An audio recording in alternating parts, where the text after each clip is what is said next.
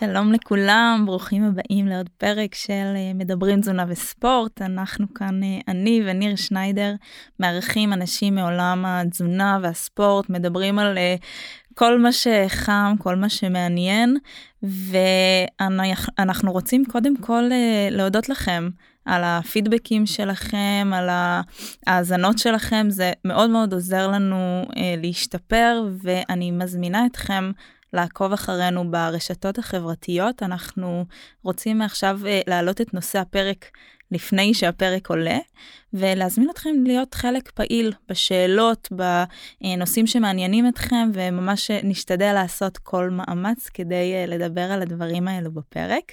אז אה, בואו נתחיל. שלום ניר. היי hey, רוני, מה העניינים? בסדר, מה שלומך? כן, יש המון האזנות, זה ממש כיף, זאת אומרת זה עולה באלפים, ובאמת אמרנו ש... נעשה מתישהו גם חגיגת העשרת אלפים אז אה, אני מחכה לזה. כן ממש בקרוב אנחנו חושבים אולי לעשות פרק uh, בלייב בפייסבוק אז uh, כמו שאמרתי הפידבקים שלכם מאוד מאוד עוזרים לנו לדעת שמה שאנחנו עושים אנחנו עושים טוב. אז אל תהססו אפשר להגיד גם דברים לשיפור אנחנו לומדים מזה ומשתפרים מזה. אז לפני כמה חודשים לרוני הרעיון בוא נעשה פרק על סוגי דיאטות. נכון. רק שהיא לא הבינה והיא לא זוכרת לא ידעה איזה תיבת פנדורה היא תפתח פה וכמה חפרנו בשביל באמת ככה להתחיל לדבר על סוגי דיאטות וזה נראה לי באמת פרק אינסופי. נכון אני חושבת שזה אה, כאילו די טריוויאלי שדיאטנים ידעו לספר המון על אה, סוגי דיאטות אבל למעשה כל הזמן יוצאים עוד ועוד סוגי דיאטות כאלה ואחרים אין גבול לזה וגם אנחנו כאנשי מקצוע לא תמיד מספיקים uh, לעקוב אחרי הכל וכשיוצאות דיאטות חדשות ומעניינות אנחנו גם צריכים לחזור uh, לספרים וככה לבחון את הדברים האלה. לעומק. והרבה פעמים אני... זה טרנדים עוד לפני שזה באמת יוצא למחקר, זאת אומרת אם מישהו עשה משהו או התחיל איזשהו טרנד כזה ולא תמיד יש ביסוס מדעי או שיש ביסוס מדעי אבל לאו דווקא זה נחקר עד הסוף בשביל לדעת על מה זה משפיע. כן, אז, אז כל השישי שבת אני אה, נברתי ב, בספרים, במאמרים, אה, בשיחות עם ניר, והכנו לכם אה, פרק על אה, סוגי הדיאטות אה, הכי טרנדיות ומדוברות כיום. Uh, הפרק שלנו היום הוא פרק מיוחד אני אני מרגישה שכל פרק אני אומרת את זה מיוחד ומסקרן אבל באמת מיוחד מסקרן ומרגש. באמת פרק מיוחד כי האורח שלנו להיום זה אנחנו לגמרי סוף סוף אנחנו חיכינו לזה שנוכל לראיין אחד את השני או שנייה אבל זה קורה פעם ב. כן אז אז היום אנחנו הולכים לעשות אה, איזשהו דיון על uh, סוגי דיאטות שנפוצות היום וכשאני אומרת uh, סוגי דיאטות נפוצות אני לא מתכוונת לכל מיני דיאטות uh, שאתם רואים אולי ברשתות החברתיות כאלה של uh, שלושה חודשים ומוכנים לקיץ או ניקוי רעלים או כל מיני שיקויים כאלה ואחרים אלא אני מדברת על דיאטות שבאמת נחקרו והתבססו בארץ, בעולם, ו, ובאמת יש אה, בשר, מה שנקרא, ויש על מה לדבר. אולי אין בשר, אנחנו... בדיוק, נדבר גם על צמחונות. אה, אולי נגדיר שנייה מה זה, קודם כל מה זה דיאטה. זהו, אז נתחיל עם, ה, עם המילה דיאטה. כי יש הבדל בין ההגדרה המילולית לקונוטציה ומה שאנחנו מתכוונים היום, אז המילה דיאטה ביוונית משמעותה בכלל אורח חיים. פשוט אורח חיים, זאת אומרת, כולנו מקיימים איזושהי דיאטה, נכון? בכל זמן נתון, גם אם אני בצום, זה אומר שהדיאטה שלי בעצם זה צום. Um, באנגלית המילה דיאטה, דיאט, מתייחסת לאורח החיים התזונתי שלי. כלומר, איזה תזונה אני מקיימת ולא, אין שום קשר למשקל שלי. Uh, ואיכשהו בשפה העברית אנחנו נוהגים להשתמש במילה דיאטה, כשהכוונה שלי היא לרדת במשקל, נכון? כלומר, בדיוק ואנחנו בעצם כשאנחנו מדברים פה על דיאטה מדברים על אורח חיים זאת אומרת כמה אכלנו מתי אכלנו איך אכלנו אידיאולוגיה מה אנחנו אוהבים מה אנחנו פחות אוהבים זאת אומרת איך אנחנו מנהלים את האכילה שלנו? זאת הכוונה לדיאטה ולא למה שנקרא גירעון קלורי שגם את זה נזכיר פה בפרק אבל לאו דווקא לגירעון קלורי של ירידה במשקל אלא איך אני מתנהל עם האוכל שלי במהלך היום. זה יכול להיות כמובן מינקות עד אה, בגרות. זהו, אז אני אחדד את מה שניר אמר, כשאנחנו בפרק הזה, כשאנחנו אומרים את המילה דיאטה, אנחנו לא מתכוונים לירידה במשקל, אנחנו מאוד נשתדל שלא לחטוא בזה, זה כאילו מילה שהיא כבר שגורה מאוד מאוד בשפה שלנו. אמ, אבל כן, הכוונה היא לאיזה אורח חיים תזונתי אנחנו מנהלים.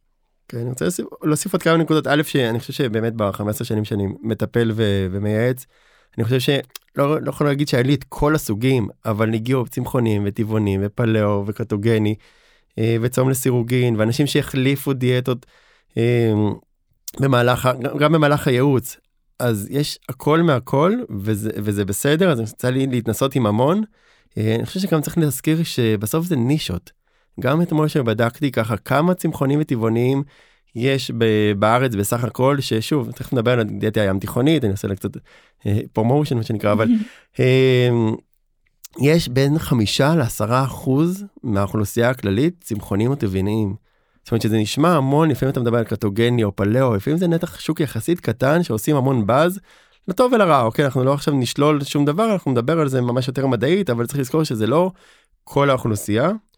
אמ, וגם באמת שאנשים לפעמים מתחילים בדרך אחת ולפעמים משנים את הדרך שזה גם בסדר. אז אני חושב שכשבוחרים דיאטה צריך לדעת קודם כל מה, מה המטרה, אוקיי? מה, מה אפשר לעשות? למה אני עושה את זה? מה אני רוצה להפיק מזה? האם אני מכשיל את עצמי? האם אני נכנס לזה כי זה טוב לי או כי חבר אמר לי? האם יש לי פלן בי? זאת אומרת התחלתי בדרך אחת אבל אולי אני צריך לשנות אותה.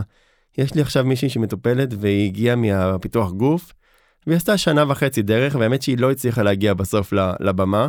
ועכשיו היא שינתה את הגישה ושינתה כיוון והלכנו לדיאטה יותר גמישה שאני מקווה שאולי נספיק להגיע אליה בסוף הפרק. ובאמת התחילה בכיוון אחד ואחרי שנה שנה וחצי הבינה שזה פחות מתאים לה והיא שינתה. וככה עם צמחונות וטבעונות וצום לסירוגין וכדומה ואני חושב שבאמת צריך לדעת האם אתה עושה משהו ואם אתה מוכן גם לבדוק את הדרך השנייה האם יש לך פלן בי ואתה לא רק מכשיל את עצמך. נכון, אני חושבת שזה חשוב מה שאמרת, הרבה פעמים אנשים אה, קוראים או שומעים על איזושהי דיאטה וזה מבחינתם הדבר הכי מדהים שיש וקיים בעולם. ואז אם משהו משתבש בדרך וזה לא תואם את אורח החיים שלהם והם לא מצליחים להתמיד בה, אז פתאום סוג של קצת חרב עליהם עולמיהם, ו- וצריך להבין שדיאטה זה לא שחור ולבן, וזה לא טוב או רע. לכל דיאטה יש את היתרונות שלה ויש את החסרונות שלה. אני רוצה להוסיף עוד משהו על, ה, על הדיאטות באופן כללי על הסיפור הזה של אה, גם דיברנו בפרק של יפית אני מקווה שכולם יקשיבו לפרק של, של יפית אבל משהו שנורא רציתי להגיד ושכחתי ועכשיו יש לי את הזמן. צריך לזכור שזה תמיד משהו מולטי פקטוריאלי מה זה אומר? זאת אומרת יש הרבה מאוד גורמים שמשפיעים על הדיאטה ויש מצד שני גם הרבה מאוד אנשים שכל אחד משך לכיוון שלו. מנתחים מושכים יותר לבריאטריה לניתוחים. אם אנחנו נדבר שנייה על אה, לא רק על ירידה במשקל דרך אגב. ורופאים חלקם אוהבים את התרופות ויש כאלה שאם נספיק גם נדבר אולי שתי כמה מילים על day 2 כאלה שאוהבים אה, הולכים לכיוון הפלורה המאית אוקיי? וכל מה שקשור לחיידקים במעי וזה גם משפיע וכאלה שלוקחים את זה אמרנו ניתוחים לזריקות לכדורים לפסיכולוגיה לספורט ואני חושב שצריך להבין שזה איזשהו משהו שהוא גם גם וגם וגם מתי זה תופס אתכם. אוקיי הפלורה והקיבה לא נמצאת בגיל הצעיר כמו בגיל הבגרות או אם עשית ניתוח לפני ואחרי הדברים האלה הם, הם משתנים. וכל נישה לוקחת לכיוון שהיא אוהבת לעבוד איתה אנחנו לוקחים את זה יותר לספורט אני חושב וקצת אולי לפסיכולוגיה יש כאלה שלוקחים את זה לניתוחים לזריקות ואני לא חושב שיש פה מישהו שצודק או מישהו שטועה. כמו שרונה אמרה לפני זה זה לא שחור ולבן. אז אה, רק עוד אה, מילה אחת אה, לפני שאנחנו מתחילים לצלול ממש לדיאטות עצמן. אמ, אני רוצה להבהיר שאנחנו לא הולכים להמליץ על אף סוג של דיאטה, אנחנו הולכים להציג את הדיאטות בצורה הכי אובייקטיבית שאנחנו יכולים, וכל אחד יכול להחליט האם זה נכון או לא נכון עבורו. יש את מה שהמחקר יודע להגיד, והמחקר יודע להגיד זה מה קורה עם הרוב. אבל צריך לזכור שברמת הפרט השונות היא מאוד מאוד גדולה, ומה שמתאים לי לא מתאים למישהו אחר. אנחנו רוצים באמת אה, להישאר ברמת הדיון ולא ברמת ההמלצות. בשביל המלצות אני אם אתם רוצים לשנות את סוג הדיאטה שלכם לדיאטה שהיא קצת יותר קיצונית, אני ממליצה מאוד להתייעץ. זה מה שקורה שנותנים לי ולרוני לרוני ולי את המיקרופונים כי אנחנו יכולים לדבר עכשיו שעות כמו בטלפון עכשיו לפתוח איזה דיון ולא לא לסיים אותו אז אני אוסיף עוד משהו על ההוספות שלך. אולי נעשה פרק הקדמה. פרק הקדמה, עשר דקות עוד לא התחלנו. אבל משפט אחרון, אני חושב שגם צריך לזכור וזה מאוד חשוב מבחינתי, גם הגורואים, גם שמישהו שהוא מוביל טבעונות או צמחונות או פלאו קטוגני, גם הגורו שבגורו הוא בסוף לא האפיפיור וגם הם לא 100% אדוקים. ואנשים יוצאים מזה וחוזרים ונופלים וקמים ולפעמים יש איזה נטייה לעקוב אחרי מישהו בפייסבוק או באינסטגרם או לא חשוב איפה ואתה חושב שהוא כל הזמן מושלם אז אני אומר לכם מניסיון במיוחד שמכיר גם את האנשים שמובילי דעה גם הם לא 100% תמיד אז קחו את זה בחשבון אין מושלם בטח לא בכל מה שקשור לתזונה. לגמרי אז אה, שנתחיל. יאללה טה-טה-טם רז תופים. טוב, אז uh, אני רוצה שנתחיל דווקא עם הדיאטה הים תיכונית, והסיבה שאני רוצה להתחיל איתה זה כי זאת הדיאטה שמומלצת היום על ידי ארגוני הבריאות העולמיים, uh, היא נמצאה כמפחיתה סיכון למחלות לב וכל מיני מחלות uh, מטבוליות. אז קצת היסטוריה, התזונה הים תיכונית היא תזונה שמייצגת את התזונה שהייתה קיימת באזור הים התיכון, בעיקר באזור יוון, סורי לא ישראל. אבל זה יוון, קרוב. נכון נכון זה קרוב ובאמת הרבה מאכלים uh, דומים.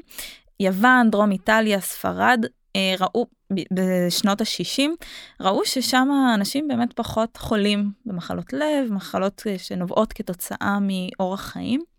והלכו ובדקו מה, מה התזונה שלהם.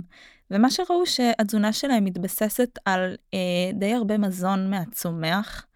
המזון הם בעיקר היו חקלאים שם, אז המזון הוא אה, עונתי, טרי, מקומי, כזה שגדל ב, באותם אזורים.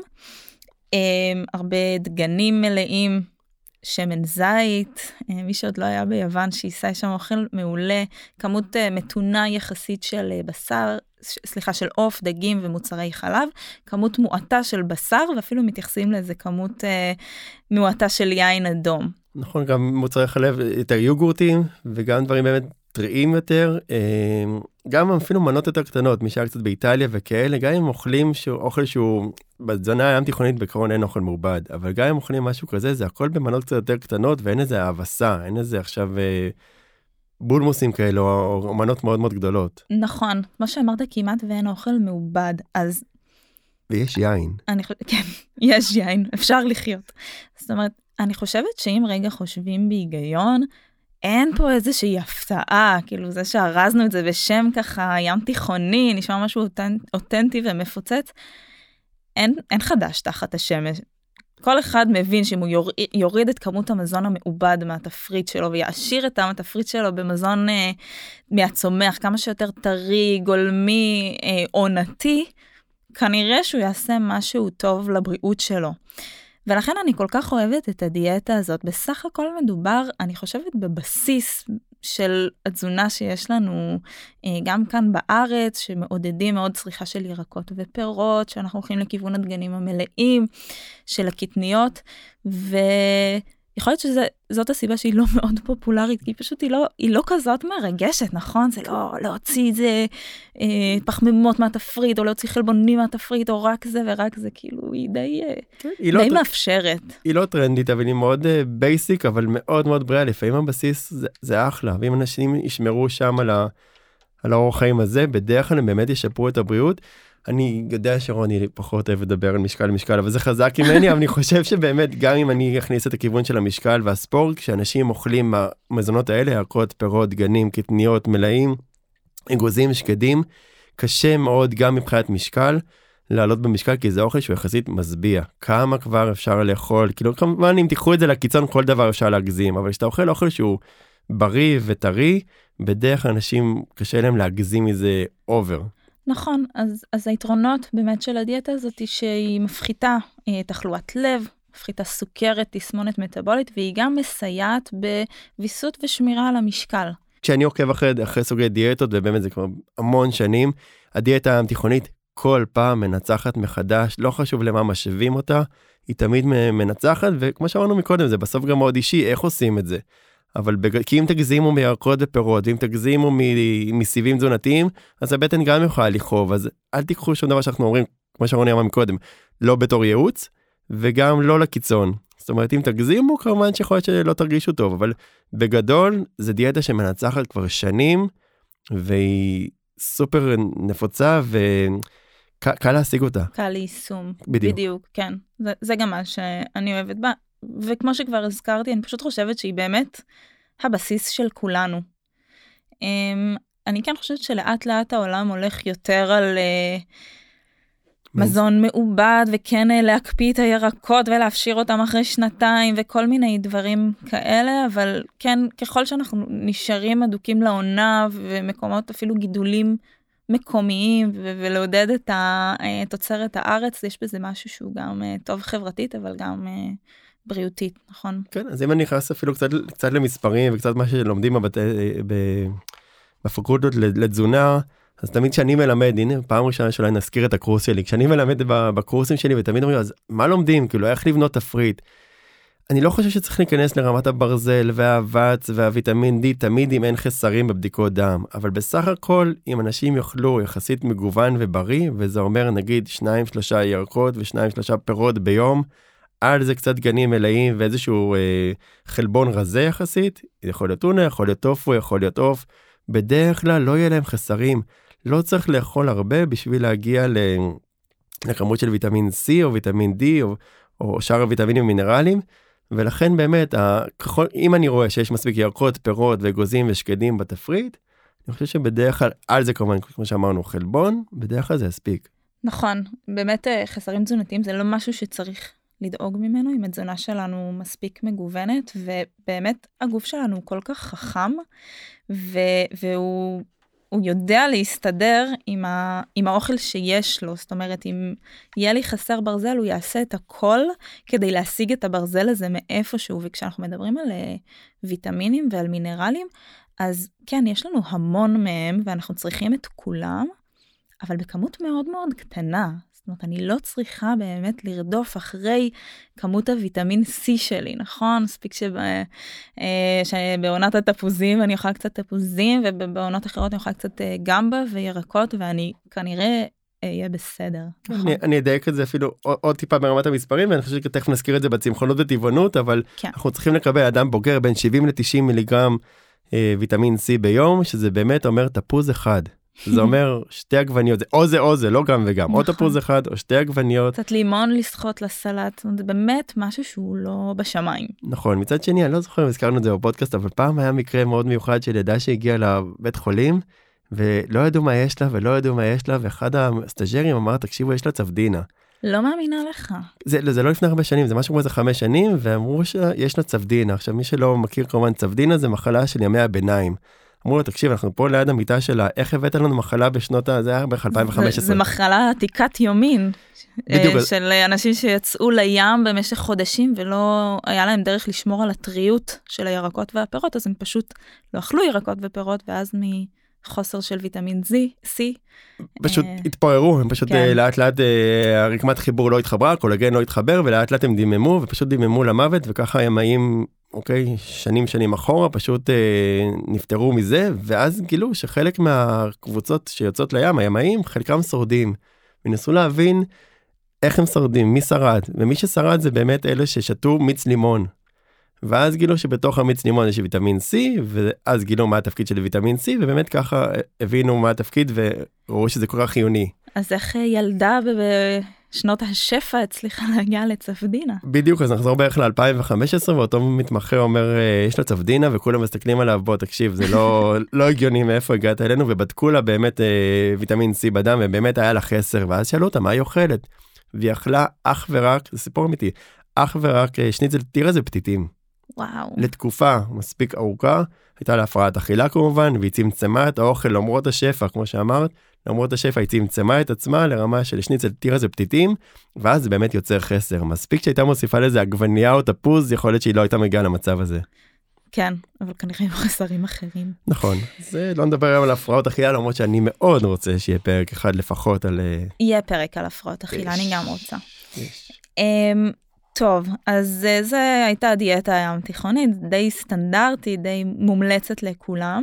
ועכשיו אני רוצה שנעבור לדיאטה קטוגנית, שהיא ככה מאוד פופולרית, בשנים האחרונות מאוד מאוד טרנדית, יותר ויותר אנשים אה, מגלים אותה ואפילו מנסים אותה, ויש אפילו אנשים שהמירו את אורח החיים שלהם לאורח חיים קטוגני, ואפילו מרוצים מזה. אני מסכים אז... אבל ניתן תמיד קצת טיפה קונטרה אני חושב שצריך גם לזכור שיחסית זה חלק מאוד קטן מהאוכלוסייה. נכון. Okay? אוקיי?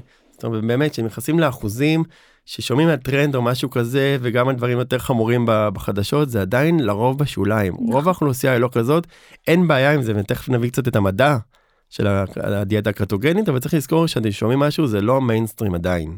כן, לגמרי. גם אם הוא עושה הרבה באז. אז, אה, אז היא עשתה הרבה באז, זה נשמע כאילו זה, זה תגלית חדשה, אבל האמת היא שזה לא דיאטה חדשה בכלל. אה, היא קיימת כבר לא מעט שנים, וברפואה היא הוכחה כמפחיתה התקפים בקרב חולי אפילפסיה. זאת אומרת שכבר יש אה, די הרבה שנים שימוש בדיאטה הזאת, אבל מה שכן חדש זה שבשנים האחרונות התחילו גם לחקור אותה בקרב האוכלוסייה הכללית, ולא כאיזשהו מנע או טיפול במחלה, אלא פשוט כאורח חיים. אה, ורצו לבדוק יתרונות וחסרונות, אה, האם היא יעילה לירידה במשקל, כי היום הרבה מאוד אנשים מתעניינים בירידה במשקל, אז בואו, בואו נראה, בואו נראה מה, כן. מה מצאנו. גם מה היא מכילה, כל- כן. סליחה, גם, גם מה היא מכילה וגם כאילו מה זה בכלל קטוגני, מה זה גופי קטו. נכון, אז, אז בואו נתחיל עם uh, הגדרות. השם דיאטה קטוגנית הוא בגלל um, רכיב שנמצ... שנקרא גופי קטון או קטונים, שהוא תוצר פירוק של חומצות שומן. זאת אומרת, אנחנו אוכלים שומן, השומן מתפרק לחומצות שומן, והחומצות שומן הופכות לקטונים. Uh, במצב רגיל, בן אדם שאוכל פחמימות, הגוף מנצל את הפחמימות כברירת מחדל, כאנרגיה, גלוקוז שמגיע למוח ולשאר מערכות הגוף. כשאנחנו נמצאים במצב של קטוזיס, זה מצב שאין פחמימות בגוף, אז הגוף עובר למצב שבו הוא יודע אה, לנצל חומצות שומן לטובת האנרגיה. קטוזיס, אני חוזרת, זה מצב שהגוף ממיר את עצמו מלהפיק אנרגיה מהסוכר, מהגלוקוז, להפקת אנרגיה מגופי קטון. מעולה, יש בעצם- הגדרה, הגדרה מאוד מאוד ברורה לקטוזיס. קטוזיס זה איזושהי רמה של קטונים בדם.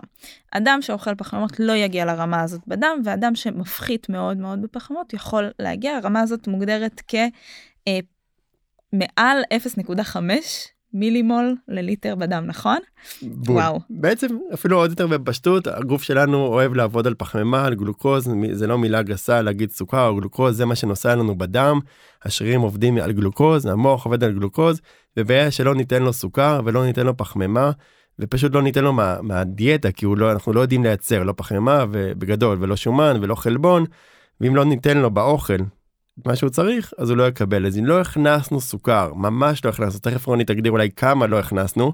אבל אם לא הכנסנו פחמימה או סוכר, המוח חייב להמשיך לתפקד והגוף חייב להמשיך לתפקד, אז הוא ימיר את השומן שאכלנו, אוקיי? או להבדיל הוא ימיר את השומן שלא אכלנו, אלא שומן מהגוף, לגופי קטון, כי אם לא אכלנו, אולי תכף נדבר גם על צום לסירוגין וכאלה, אבל אם לא אכלנו הרבה זמן ולא הכנסנו אוכל לא פחמימה ולא שומן, הגוף ייקח ממאגרי השומן ויהפוך את, ה, את השומנים לגופי קטון, וככה המוח והגוף ימשיך לתפקד. אז או שלא הכנסנו סוכר, או שבאמת אה, צמנו יותר מדי זמן. זהו, אז, אז למצב של קטוזיס אנחנו יכולים להגיע בכמה, זאת אומרת, הוא יכול לקרות עקב כמה תרחישים. אחד זה רעב ממושך, אם לא עלינו אנחנו נמצאים באיזשהו צום, הגוף מתחיל להשתמש בשומנים לטובת האנרגיה. אה, זה יכול לקרות בסכרת דרך אגב, סכרת שהיא לא מטופלת, גם הגוף לא יודע לנצל את הסוכר לטובת האנרגיה, והוא מתחיל אה, לנצל את השומנים.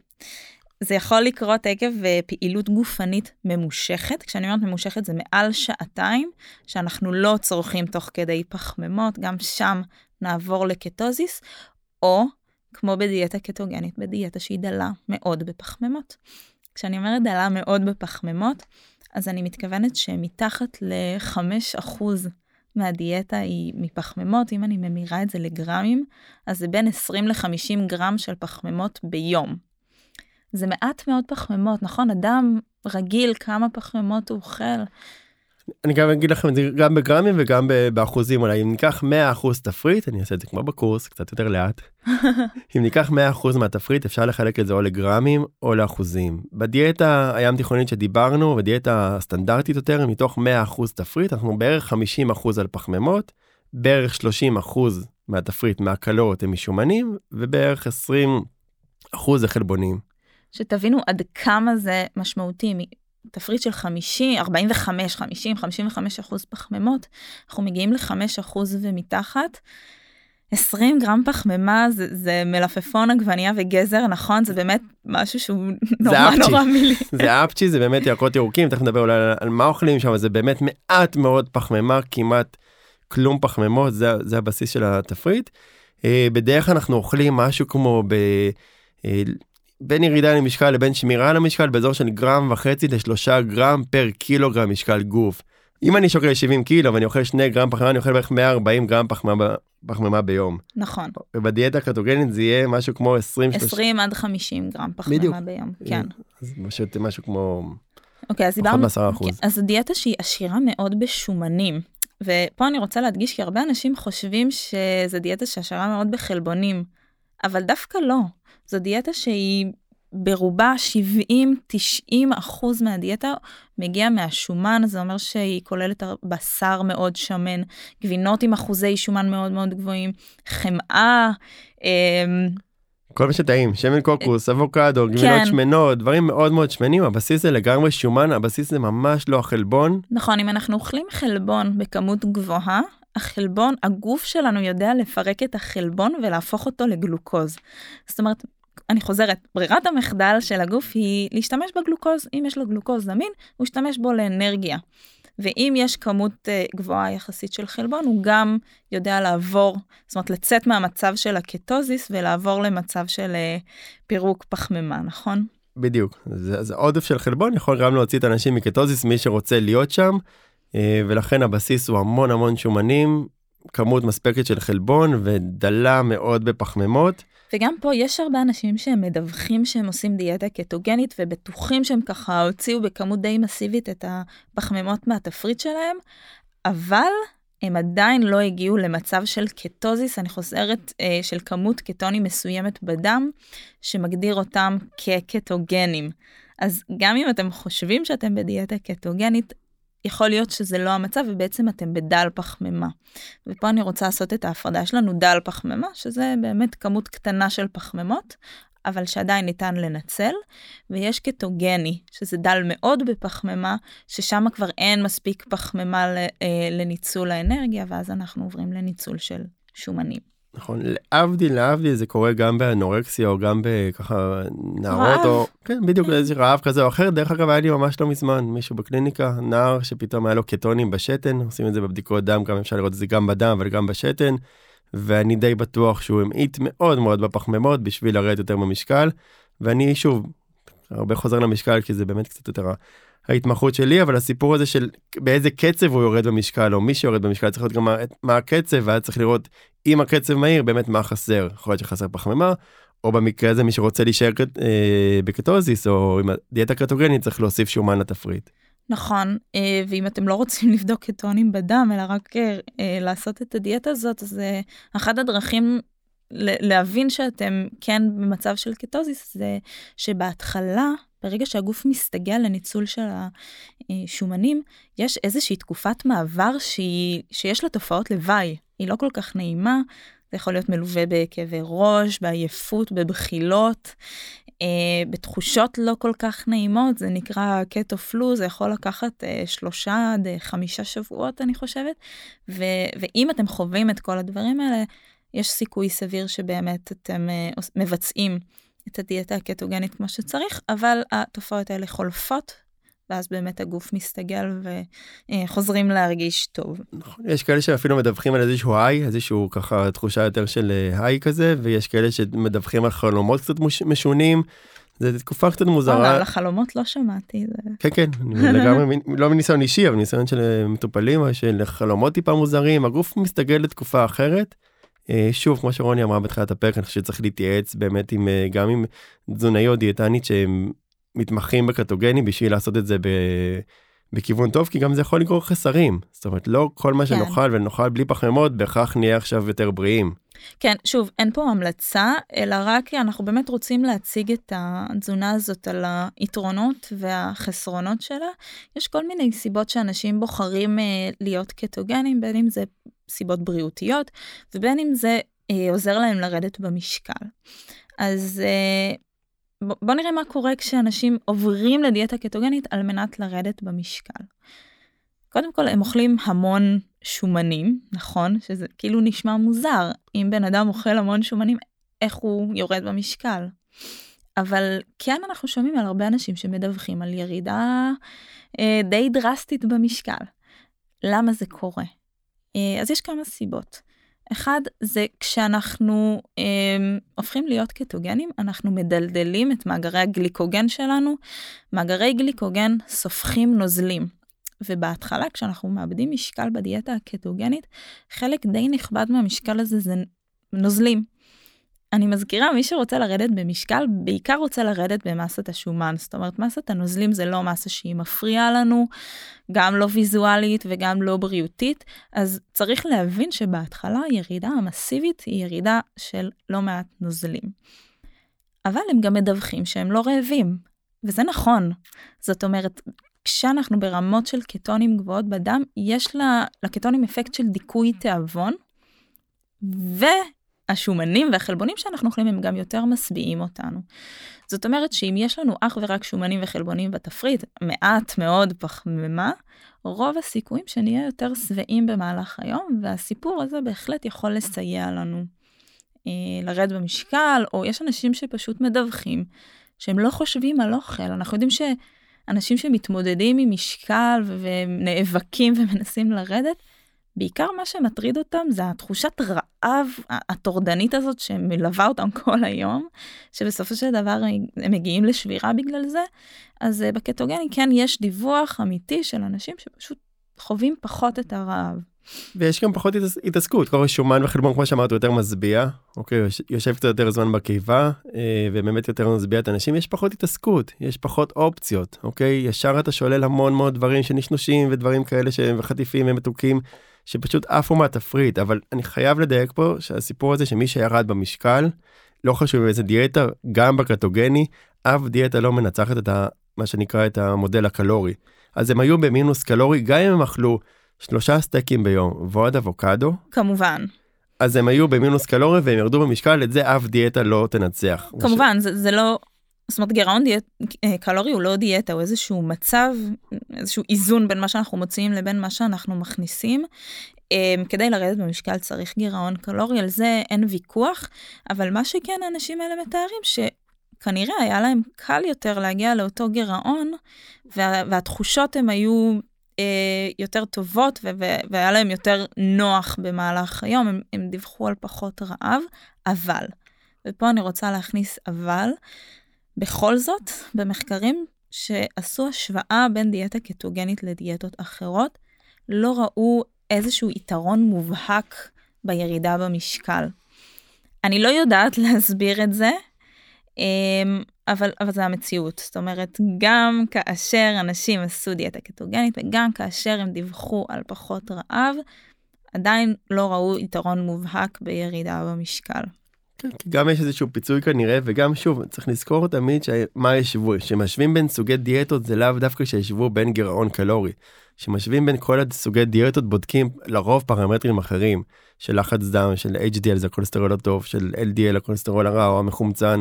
בודקים אה, לחץ דם בודקים עוד פרמטרים יותר מטאבולים שהם לאו דווקא ירידה במשקל אז בהשוואות האלה שגם של ארגון הבריאות העולמי כמו שזה נשמע זה ארגון הבריאות זה לא ארגון הרזון חלילה mm-hmm. ולא ארגון החיטוב זה mm-hmm. בעצם מי מפתח או שומר על אורח חיים יותר בריא ומפתח פחות מחלות ופחות סיכונים לאורך זמן.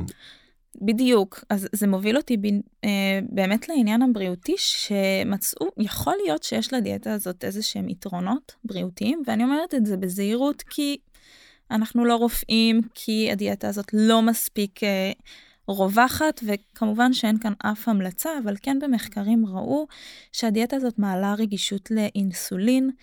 אה, היא מראה ירידה בלחץ דם, מראה ירידה בטריגליצרידים, זה לא כל כך מפתיע אותנו, כי אנחנו יודעים שדיאטות דלות בפחמימות, לא חייבים להיות קטוגנים אגב, דיאטות דלות בפחמימות יכולות להוריד מטריגליצרידים, הראו גם uh, ירידה ברמות הסוכר ועלייה ב-HDL, שזה הכולסטרול הטוב, שזה uh, משהו חיובי, אבל ראו עלייה גם בכולסטרול הרע.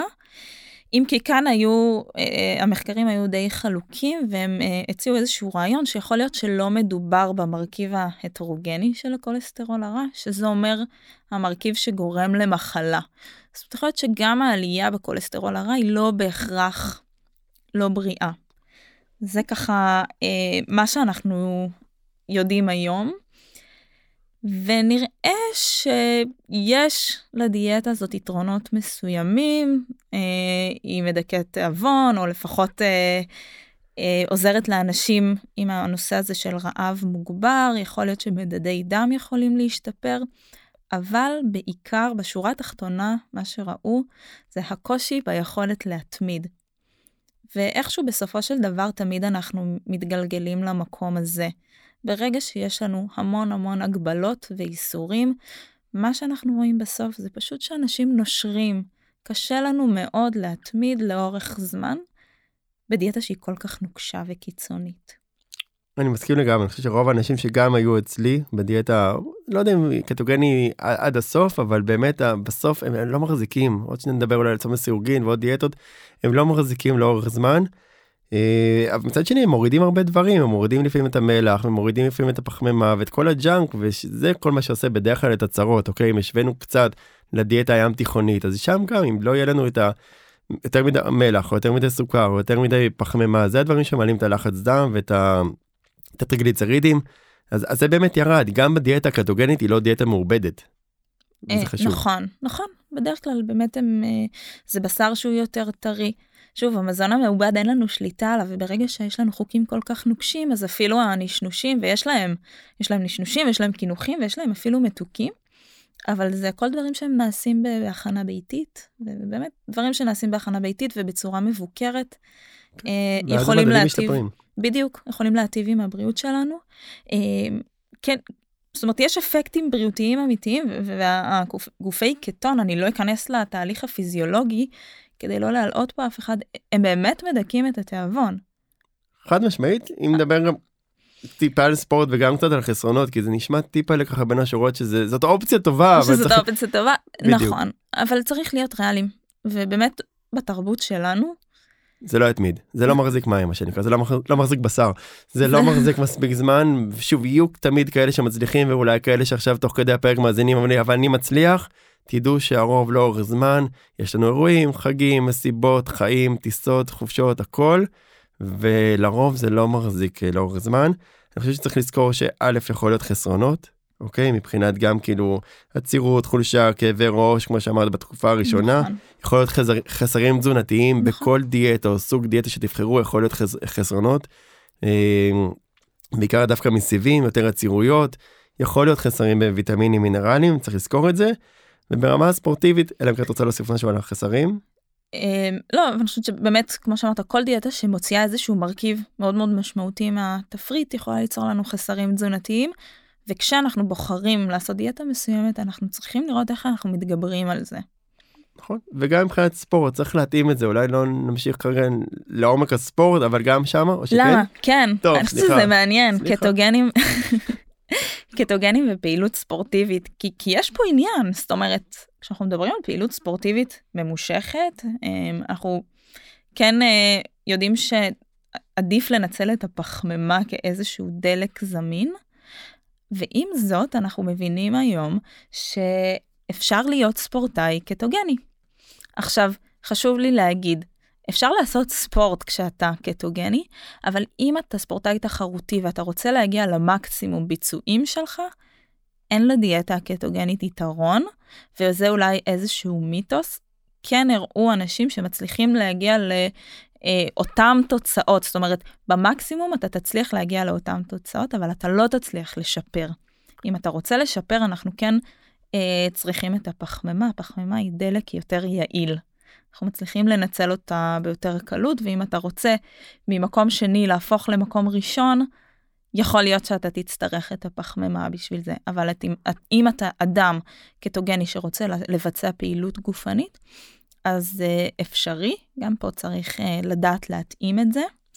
אז אני אוסיף קצת גם, גם את התוספת שלי מעולם הספורט התחרותי וההישגי, יחסית אין הרבה ספורטאים קטוגנים ברמות הכי גבוהות, אלא אם כן, אוקיי, ואני נזהר פה, זה באמת יותר באולטרה מרתון, מעל 42 קילומטר.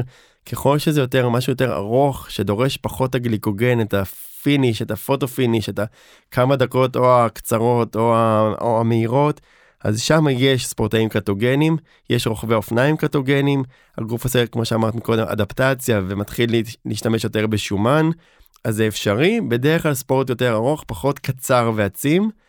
אמ, אבל עדיין זה באמת לא הרוב אם לוקחים עכשיו נבחרות לא חשוב ישראל ארה"ב רוסיה נשים רגע שמים בצד. רוב הספורטאים הם עדיין לא קטוגנים אה, אלא אולי בדיאטות אחרות שתכף נזכיר אבל לגמרי אפשרי אוקיי וגם תלוי מה זה ספורטאי. האם זה נכון. לעשות איזשהו חוג בכיף או אם זה באמת לעשות משהו יותר תחרותי הישגי ויש כאלה גם שיוצאים מקטוזיס וחוזרים לוקחים תוך כדי המאמץ כאילו או לפני עושים העמסות לפני אז יש פה הרבה דברים שאפשר לעשות, אוקיי? לפני, תוך כדי, לצאת, לחזור. זה כמובן בביקורת, אבל זה יחסית, זה לא רוב הספורטאים בעולם, ממש לא. לא, בהחלט, כמובן שלא. אמ, פה באמת דיברנו על מאמצים ארוכים וממושכים. אם אמ, אנחנו מדברים על ענפי הכוח, אז פה התזונה, זאת אומרת, היא פחות בעייתית, כי אנחנו לא חייבים את הפחמימות כדי שיספקו לנו אה, דלק תוך כדי המאמץ, אם מדובר על אימוני כוח של שעה, שעה וחצי, הרמת משקולות, זאת אומרת, פה אנחנו מבינים שכנראה הם כן יוכלו אה, לעשות את הספורט באותה מידה. אה, אם כי גם זה, זה tricky, כי אנחנו יודעים שלספורטאי כוח דרושות רמות אה, יחסית גבוהות של חלבון, וצריך לראות איך אנחנו עושים את זה ואיך מנתבים את החלבון אה, לטובת בניית שריר ולא לטובת הפקת אנרגיה. חד משמעית. טוב, אז אני רוצה לעשות אה, איזשהו סיכום ביניים. אה, עד עכשיו דיברנו על הדיאטה הים תיכונית שמומלצת על ידי ארגוני הבריאות העולמית, ועל הדיאטה הקטוגנית שהיא אה, מאוד פופולרית והיא הולכת ותופסת תאוצה בשנים האחרונות. יש לנו עוד לא מעט דיאטות uh, לדבר עליהן, אבל אני רואה שאנחנו ככה מפליגים וגולשים בזמנים, אז uh, מה דעתך שנעצור כאן ונעשה פרק נוסף על סוגי דיאטות? כן, כן, כמו שאמרנו בהתחלה, בהתחלה, רוני ואני יכולים לדבר שעות על תזונה ודיאטה וספורט. כן, פה... נשתף אתכם שחילקנו את זה שכל דיאטה תקבל משהו כמו 10 דקות. מפה לשם אנחנו ב-45 דקות, באמת אלו נושאים אה, מרתקים.